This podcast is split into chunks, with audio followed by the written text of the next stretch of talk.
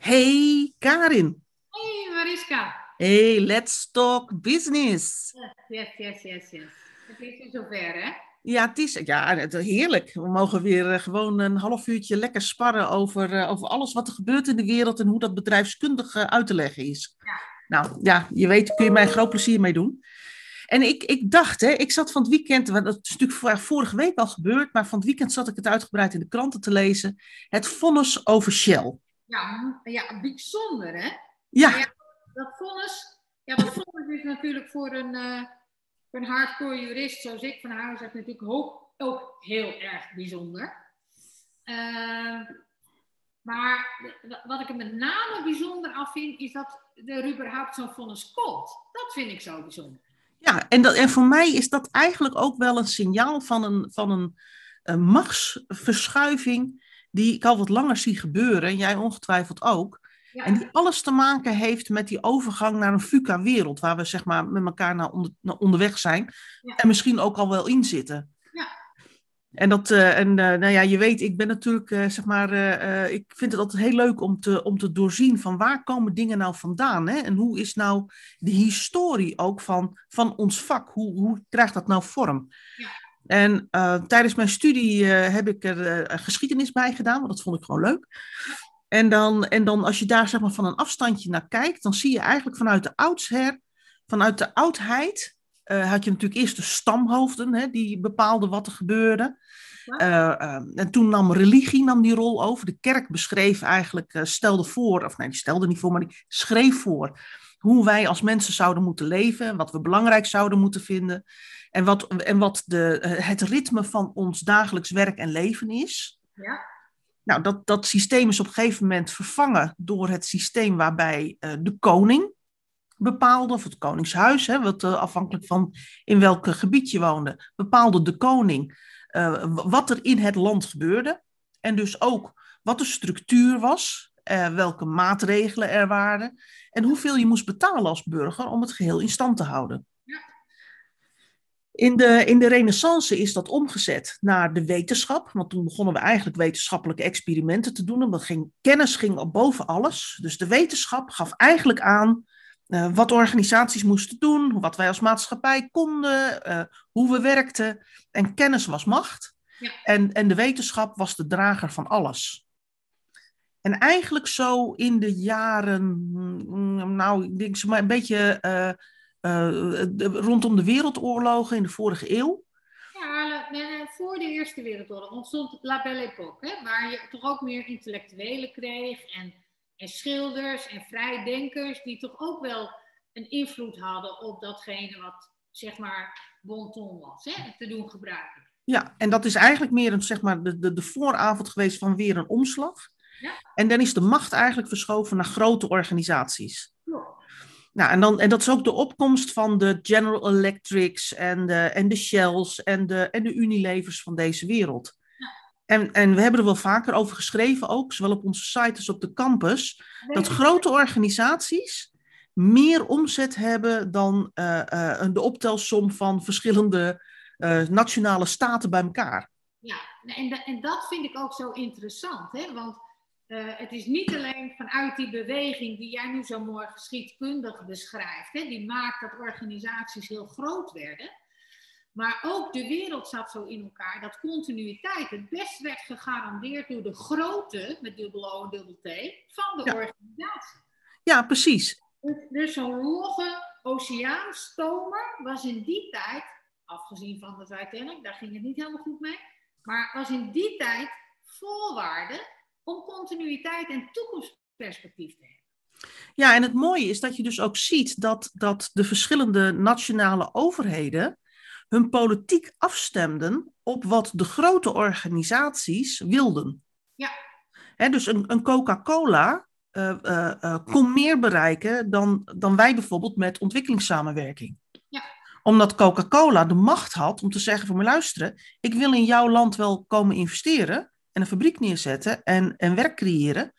Maar dan wil ik garanties hebben op de volgende dingen. En ik wil zeker dat we weten dat dat geregeld is. Ja. Oh ja, en by the way, je moet ook even zorgen dat er infrastructuur ligt. Klopt. En dat betekent dat die grote organisaties feitelijk uh, de, aan de macht waren om te bepalen hoe onze, onze, hoe onze wereld functioneerde. Ja, exact. En met de opkomst van de digitalisering, en dat is eigenlijk zo, zo rond de eeuwwisseling, heeft dat zeg maar echt uh, uh, volledig vorm gekregen. Nou, we waren eerst ook nog bang dat er een soort van digitale meltdown zou ontstaan in het kader van die 2000-problematiek. Maar dat ja. is goed. Ja, precies. En, en je ziet dat eigenlijk sinds die tijd de digitale toepassingen allemaal komen in een soort stroomversnelling. Ja.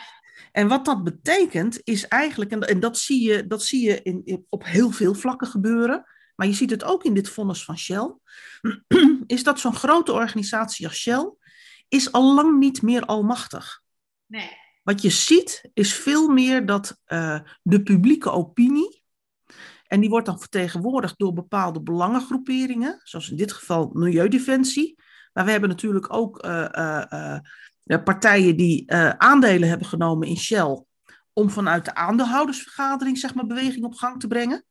Ehm, en je ziet het ook in de publieke opinie waar een milieudefensie op, aanhangt, op aanhaakt, dat dat steeds belangrijker wordt. in termen ook van, eigenlijk grote organisaties hebben die macht niet meer. Nee, en weet je, het, het, het grappige is, hè, want jij weet uh, dat ik het heel leuk vind om over Shell te schrijven. Ik volg uh, Shell al een aantal jaren. En met name omdat ik een beweging zie naar die FUCA-wereld toe. Waarin het niet alleen zo is dat je als, niet meer als grote oceaanstromen continuïteit hebt hè, om te overleven. Maar dat die oceaanstromen juist in de weg gaat zitten bij toekomstperspectief. Ja, dat je beter een school van, van zeilbootjes kunt creëren, omdat je dan met elkaar wendbaarder bent. Ja. Dat zie je nu in die publieke opinie ook. Hè? Shell heeft jarenlang te maken gehad met een dividendpolitiek, die ervoor zorgde hè, dat de aandeelhouder het belangrijk vond dat er zoveel mogelijk uitkering aan dividend plaatsvindt op het aandeel Shell. Dat heeft ook gemaakt dat die transitie van kolen fossiele brandstoffen, laat ik het zo maar noemen, naar meer groene energie, vertraagd is vormgegeven. Ja. De aandeelhouders vonden het tot, nou, laat ik zeggen, vier, vijf jaar geleden nog veel belangrijker dat hun waarde op hun aandelen uh, zo groot mogelijk was. Hè? Dus de uitkering op aandelen zo hoog mogelijk was. Dan dat ze het belangrijk vonden dat uh, Shell uh, ging investeren in verduurzaming en vergroening.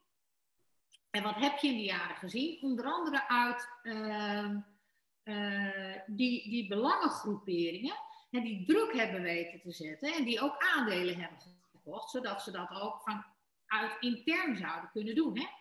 Uh, First This heet die aandelengroep, geloof ik, die, uh, die Shell het, het, het, vuur aan de schoenen zet. Ehm, en ja, en die, en die uh, beweging is in een aantal jaren van 5% van de aandeelhouders die naar vergroening wilden, naar nu al 30% van de aandeelhouders. Ja. Er is meer dan 70 nodig om, om, die, om een motie aan te nemen die leidt tot, uh, tot echte verduurzaming. Hè? Dus van, van, vanuit de aandeelhouders zijn ze er nog niet. Maar die publieke opinie, die, is, die wordt kennelijk wel zo gevoed, hè, dat ook in juridische zin uh, aanklachten worden uh, gevoerd tegen Shell, hè, dat in het kader van de contracten die ook wij uh, als Nederlandse overheid hebben afgesloten, wij moeten bijdragen aan, aan de contracten waaraan we ons hebben ge, ge, gecommitteerd. En dat Shell daar dus kennelijk ook een hele belangrijke rol in vervult, vindt de rechter nu. Ja, maar ik, ik, ik vind het mooie hè, dat er aan de ene kant, dat, dat, dat maakt die case Shell voor mij ook zo leuk. Dat aan de ene kant die, uh, die uh, uh, zeg maar, de groene stroming via aandeelhouderschap en de aandeelhoudersvergadering probeert om Shell te vergroenen. En dat is eigenlijk een strategie die aansluit bij het oude systeem. Ja, klopt. Namelijk de aandeelhouders bepalen de koers van de organisatie. Ja, geven een opdracht aan het bestuur van de organisatie om de koers een bepaalde richting uit te duwen. Ja. En volgens mij, Mariska, wil het bestuur wel hm. sneller, maar hebben zij te maken met nog steeds die knellende aandeelhouder die niet sneller gaat en die dat in dat oude systeem zit. Nou, dat, dat, dat, dat weet ik niet. Hè. Ik, ik, ik denk namelijk dat vanuit, ehm, dat vanuit dit soort grote organisaties, het bestuur, en dat staat ook in het, in het FD beschreven, hè, dat hij in verschillende interviews ook zegt van, uh, uh, ja, natuurlijk, hè, we, gaan, we gaan op een gegeven moment wel van fossiele brandstof af, maar voorlopig is de vraag naar energie alleen maar stijgende. Ja, en dat het is onze, onze missie om daarin die vraag te voorzien. En ja, en is dat fossiel? Dan is dat fossiel. Hè? Dus daar, daar spreekt ook geen visie uit, nog even los van aandeelhouders, hè, wat de aandeelhouders willen. Maar er spreekt geen visie uit van wij willen als organisatie hier een, een, een voortouw innemen. Maar nog even, even, ik wil even terug naar het, uh, het hoe pak je nou, zeg maar, waar komt nou de, de sturing van verandering vandaan? Mhm. in, het, in, het, in het systeem waar we de vorige eeuw nog in zaten, is dat grote organisaties een visie ontwikkelen over zo moet de wereld in elkaar zitten. Ja. Uh, en feitelijk op uh, de politiek en op de samenleving leggen van wij vinden dat het zo moet gebeuren. Ja. Um, de, die aandeelhouder, en via de, die via de uh, aandeelhoudersvergadering um, koerswijziging wil, die haakt aan bij het oude systeem. Ja, die heeft de, de afgelopen jaren in die aandeelhoudersvergadering al geprobeerd om zeg maar zieltjes te winnen voor een groenere koers. Nou, je ziet dat langzaam die, die verschillende partijen opschuiven naar dat 30% wil nu dat Shell een, groene, een groenere koers gaat varen. Ja.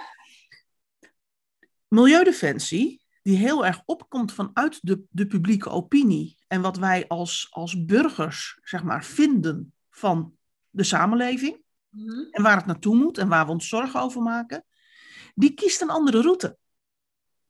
En, kan, dus, en kan daarmee dus veel sneller een, een koerswijziging afdwingen dan dat je dat doet vanuit het oude systeem, wat eigenlijk uh, zijn macht aan het verliezen is. Ja, maar nou is de rechter ook het oude systeem, hè? Alleen ja, maar, maar niet, ja? Maar niet de manier waarop die rechtszaak wordt aangespannen. Nee, klopt. Nee, dat klopt.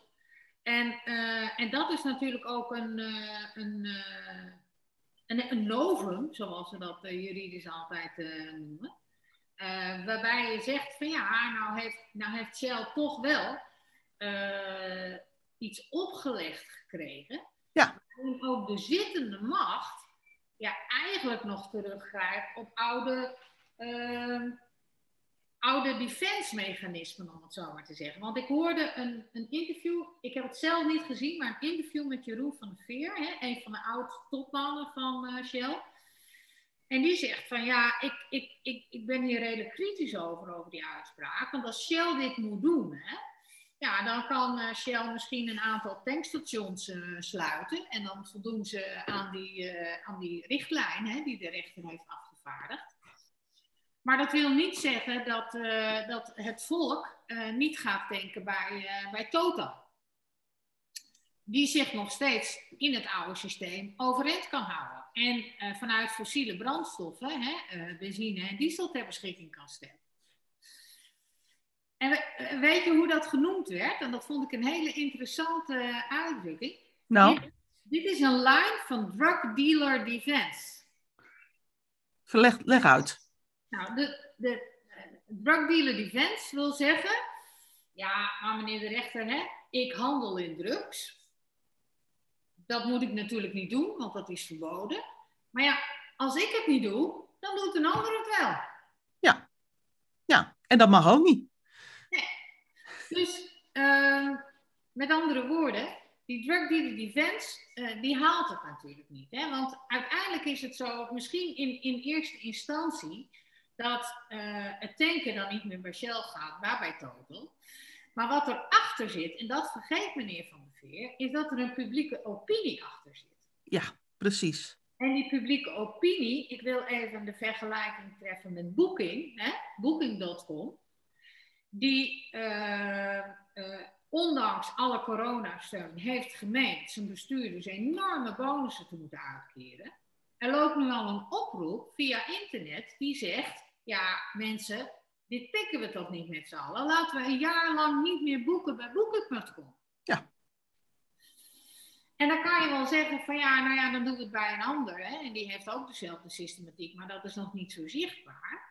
Maar het geeft wel aan dat er een sentiment binnen de samenleving is die dit soort grote onregelmatigheden niet meer wil. Nee, en, en, dat, en dat vind ik echt, dat zie ik echt wel als een kentering in onze samenleving. In waar zit nou de, waar zit nou de, uh, de impuls om tot verandering te komen? Exact. En dat is een hele verandering. Hè? Want ik noem nu even het uitstapje naar booking.com. Maar feitelijk is dat ook een beweging die vanuit de maatschappij gestalte krijgt. Ja. Wat vinden we nog goed? Wat vinden we gewenst? En wat vinden we niet meer gewenst? Ja, en, weet je, en als het dan gaat over milieu, hè, dus in het kader van Shell. Shell had hem natuurlijk een beetje aan kunnen zien komen op het moment dat de Nederlandse overheid een zaak verloor over klimaat. Ja. En uh, dus het, het feit dat, dat Shell nu een beetje overvallen is hiervoor, of overvallen lijkt, want nogmaals, ik heb geen interne informatie of zo. Maar, wat doet. Ja, dat, dus, dat laat ik even wel welk, welk werkwoord erachter hoort, maar in ieder geval overvallen. Um, um, uh, ja, dat is ook een, een kwestie van. Je ziet het gebeuren dat de overheid zo'n rechtszaak verliest en dan niet de consequentie doorzien van wat, en wat zou dit nou voor ons betekenen? Nee, klopt. En, en, dat, en, en dat zeg ik dan altijd maar, dat is een beetje het paradigma van een uh, gesettelde organisatie. Nou, en ik, ik vraag me wel af of het wel zo is dat ze, dat ze niet onderkennen wat zou dit nou uh, voor ons betekenen ik denk dat ze uh, door de, de, de, de oceaanstomen die zij zijn, niet bij machten zijn om zo snel te reageren. En dat ja, maar, dan, maar even Karin, dan had je toch op de laatste aandeelhoudersvergadering, die na die rechtszaak was geweest, uh, en, en voor deze, uh, um, had je toch op zijn minst in je verhalen verteld van we, we voelen dat het sentiment aan het, aan het verschuiven is? Ja, misschien wel. Ja, daar heb je een punt. Ja. Denk ik dan, hè? Want dan was je die rechtszaak waarschijnlijk voor geweest. Nee, daar heb je een punt. Daar heb je absoluut een punt. Als je zegt van, maar luister, wij, wij voelen dat het sentiment in de markt aan het verschuiven is naar meer vergroening.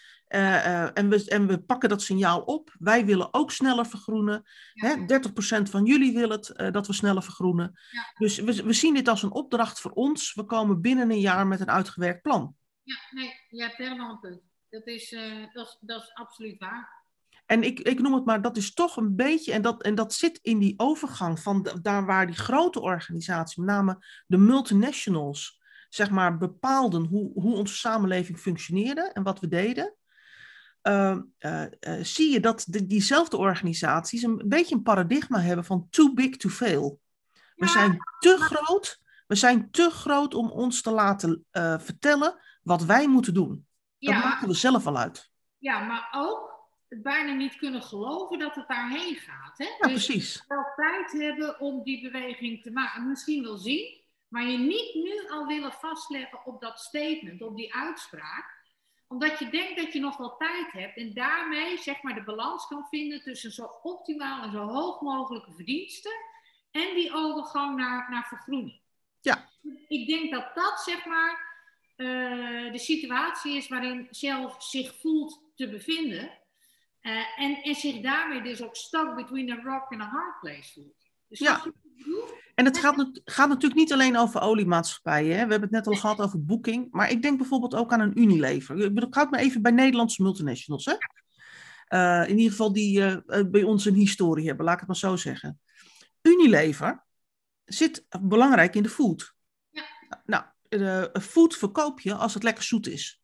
Ja, onder andere. Ja. Uh, maar je ziet dat er intussen tijd een, een hele beweging uh, in de samenleving gaande is. Dat het sentiment is van ja, maar luisteren, we hebben uh, te grote mensen, zal maar zeggen. Hè? Dus die zijn gewoon fysiek te groot. overgewicht is een toenemend probleem, met name ook bij de jeugd. Ja. Groeit al op in een, in een, in, in een overgewichtssituatie. En we weten uit onderzoek dat als je opgroeit in een overgewichtssituatie, dat je dat in je volwassenenleven bijna niet meer kwijtraakt. Met alle gevolgen voor dien. Uh, de samenleving dringt eigenlijk aan op minder gebruik van suiker. Ja. Er wordt al in, in ieder geval op social media wordt al heel lang gesproken over, joh, moeten we niet een suikertax hebben? Ja, en moet in de supermarkten ook niet beter aangegeven staan hè, wat nou een gezond product is en wat niet een gezond product is. Ja, en dat staat er nu wel op, maar dat heeft niks met suiker te maken. Nee, maar het staat nog onvoldoende duidelijk zichtbaar hè, dat je in één opslag uh, kan zien. Je moet echt nog goed kijken hoor. Ja, oké, maar dan nog hè. Als jij sausijsjes koopt bij de Albert Heijn, zit daar suiker in. Ja. Wat, wat bedoel, hè, dan denk je van, joh, weet je, ik neem geen snoepgoed en al dat soort zaken. Ja, Maar je, koopt, maar je koopt sausijsjes en er zit suiker in. Nou, jij weet, ik ben eh, sinds eh, eh, een aantal maanden ben ik suikerloos gaan eten. Hoe moeilijk dat eigenlijk is. Hè? Ja. Terwijl voorheen niet uit pakjes koopte, altijd verse producten nam. Hè? Maar in, in, in, in eh, boter of in een ham of in overal zit suiker in. Hè? Dus Ja. de zaken die je normaliter op je brood doet en waarin je niet verwacht dat suiker zit, bijvoorbeeld vleeswaren, daar zit suiker in. Overal zit suiker in. Ja. En, En- en toen ik, ik heb vier weken nodig gehad om van mijn suikerverslaving af te komen, Ja. waarvan ik niet bewust was dat ik die had. Ja. Omdat ik altijd verse producten heb. Ik heb vier weken hoofdpijn gehad. Nou, en, en het feit dat wij erover praten, hè, en dat wij zijn niet de enigen die erover praten, maakt dat we met elkaar in de samenleving het gevoel hebben van, joh, dit is gewoon niet goed, dit is niet gezond, hier moet wat anders gebeuren. Ja. We roepen naar de politiek, er moet een suikertax komen. Ja. En er gaat straks een belangenvereniging opstaan en die gaat een proces voeren tegen Unilever. Ja. Want de drive van Unilever, en dat is dus heel erg die drive die nog zit bij die macht van groot van multinationals, zit op groot, grote, grootst. Ja. En dat betekent meer verkopen.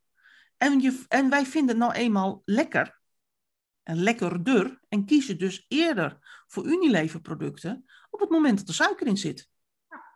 Ja, want dat zit in het menselijk systeem. En zeker als we ons er niet bewust van zijn. En, we, en je legt twee producten naast elkaar. En de ene zit suiker in en de andere zit niet suiker in. Bijvoorbeeld vleeswaren. Hè, dan zullen wij eigenlijk automatisch, en zo zijn wij qua DNA ingericht, het product met suiker lekkerder vinden dan het Ja. product zonder suiker. Ja, exact. En dat maakt dat, dat de drive van die grotere organisaties is, ik, we moeten dus suiker toevoegen, want dat is goed voor onze verkoop. En dat betekent dat we groot kunnen blijven of groter kunnen worden. Ja. En, en ik, vind het, ik vind het heel bijzonder hè, dat je nu ziet, onder andere met, eh, met het voorbeeld van Shell, maar ook het proces wat gevoerd is tegen de Nederlandse overheid, is dat die, die macht aan het kantelen is. Ja. En dat publieke opinie steeds belangrijker wordt.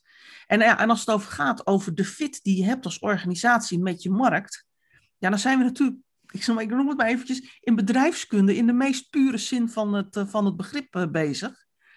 En dat betekent ook dat je als organisatie in toenemende mate eh, je voelhorens moet hebben en je oor te luisteren moet leggen in wat er in de markt nou eigenlijk allemaal gebeurt. Ja, dat klopt. En het, en het is, gaat ook over het, het onderscheiden van wat is het sentiment van de dag en wat is het onderliggende sentiment waar je op aan moet schuiven. Want je moet het ene moet je eigenlijk een beetje laten, het sentiment van de dag. Vandaag denken we A, morgen denken we B. Dat vinden we allemaal leuk met elkaar. En, en wat is de onderliggende trend die je erin kunt zien, wat we met elkaar als samenleving eh, eh, belangrijker gaan vinden, zodat je daar als organisatie op afgestemd raakt en je in ieder geval niet overvallen wordt. Exact. En, en, en dat inspelen op is natuurlijk veel makkelijker op het moment dat je, en dan kom ik er maar weer op, een school van eh zeilscheepjes bent, dan dat je zo'n oceaanstander bent. Ja, maar het gaat, het gaat nog een, dat, hè, dat is hoe je als organisatie kunt reageren. Ik denk dat de, dat, dat de basis echt ligt bij het doorzien wat er nou in die markt gebeurt. Ja. En wat het sentiment is. Ja, dat denk ik ook. Uh, maar uiteindelijk moet je, uh, als je het doorziet en, en, en, en ook weet wat het sentiment is, althans dat denk je, hè, waar altijd nog een zekere mate van onzekerheid is. Want jij weet ook, naarmate trends en ontwikkelingen verder liggen, is de kans dat ze onzekerder zijn ook groter. Uh, maar dat maakt dus wel dat je, uh, als jij een oceaanstromer hebt, dat je tijdig je koers moet verleggen. En Ja. dat is helemaal moeilijker dan dat je kleiner bent. Ja, en het, is nog, en het is nog moeilijker als je, of je nou groot of klein bent, als het je overkomt. Juist. Dus ik denk dat wij naar de toekomst toe misschien wel afscheid gaan nemen van die hele grote organisatie. Ja, of in ieder geval dat die grote organisaties misschien andere organisatievormen gaan kiezen. Exact. Ja. En intussen, en in tussentijd denk ik dat we ons binnen organisaties veel bewuster moeten zijn dat het volgen en het doorzien van trends en ontwikkelingen, dat dat belangrijker is dan ooit. Ja. Nou, en, en dan is het misschien leuk om nog even te melden dat wij in september een hele leuke extra masterclass doen over trendwatching. Ik wou net zeggen, en waar kun je dat leren? nou ja, trendwatching is natuurlijk een hele. Kijk, ik, ik zeg niet dat iedereen het inzicht moet hebben om, uh, om uh, als, als, als trendgoeroe door het leven te gaan. Nee. Maar ik denk wel dat het goed is dat, dat iedereen in organisaties, als je mee wil beslissen over de toekomst van de organisatie en impact wil hebben op de koers van de organisatie, dat je in ieder geval de basisvaardigheden hebt van het, het onderkennen van trends en ontwikkelingen in de markt. Ja. Nou, daar is natuurlijk onze masterclass ook op gericht. Hè? En niet op het worden van, uh, van, uh, van toekomstgoeroe. Nee, dat, uh, dus we gaan, we gaan in september een hele mooie praktische masterclass doen. Waarbij we gaan kijken van, joh, wat zijn eigenlijk de trends en ontwikkelingen die je nu al kunt zien. Nou ja, maar, en maar, ook, maar ook, maar ik maak hem even af, Karin. Maar ook, hoe, hoe breng je nou trends en ontwikkelingen in kaart?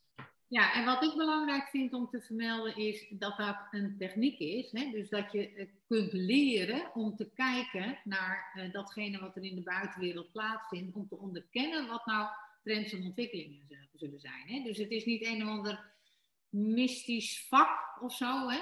Waar, waar heel veel abacadabra bij komt kijken. Maar het is met name ook gewoon oefenen. En, en uh, je perspectief hebben op de juiste dingen. Ja, Waarbij je het nooit 100% zeker weet. Nee, precies. Maar goed. Uh... Nou, ik, ik verwijs in ieder geval graag naar de DNS-site, dnhs.nl. En dan onder het kopje agenda, daar staat hij. Zo is het. Dus dan, uh, voor wie geïnteresseerd is, uh, kan zich inschrijven. De inschrijving is vandaag, uh, vanaf vandaag open. Ja, ik denk dat dat een mooie, mooi einde is van deze Let's Talk Business. Lijkt mij ook. Waarbij we heel duidelijk hebben gemaakt, volgens mij, hè, dat, dat de echte macht naar de toekomst toe anders ligt dan bij de institutionele gevestigde machtsorganen die we kennen. Ja, dat denk ik ook. dat denk nou, ik ook. We praten er vast nog verder over, want ik wou je ook nog zeggen, ja, en wat dat dan gaat betekenen voor beurzen en dergelijke, maar dat is weer een ander onderwerp. Dat is een ander onderwerp, daar gaan we het een ander keertje over hebben. Voor de volgende elektronische. Precies. hey, we spreken elkaar. Doei. Doei doei.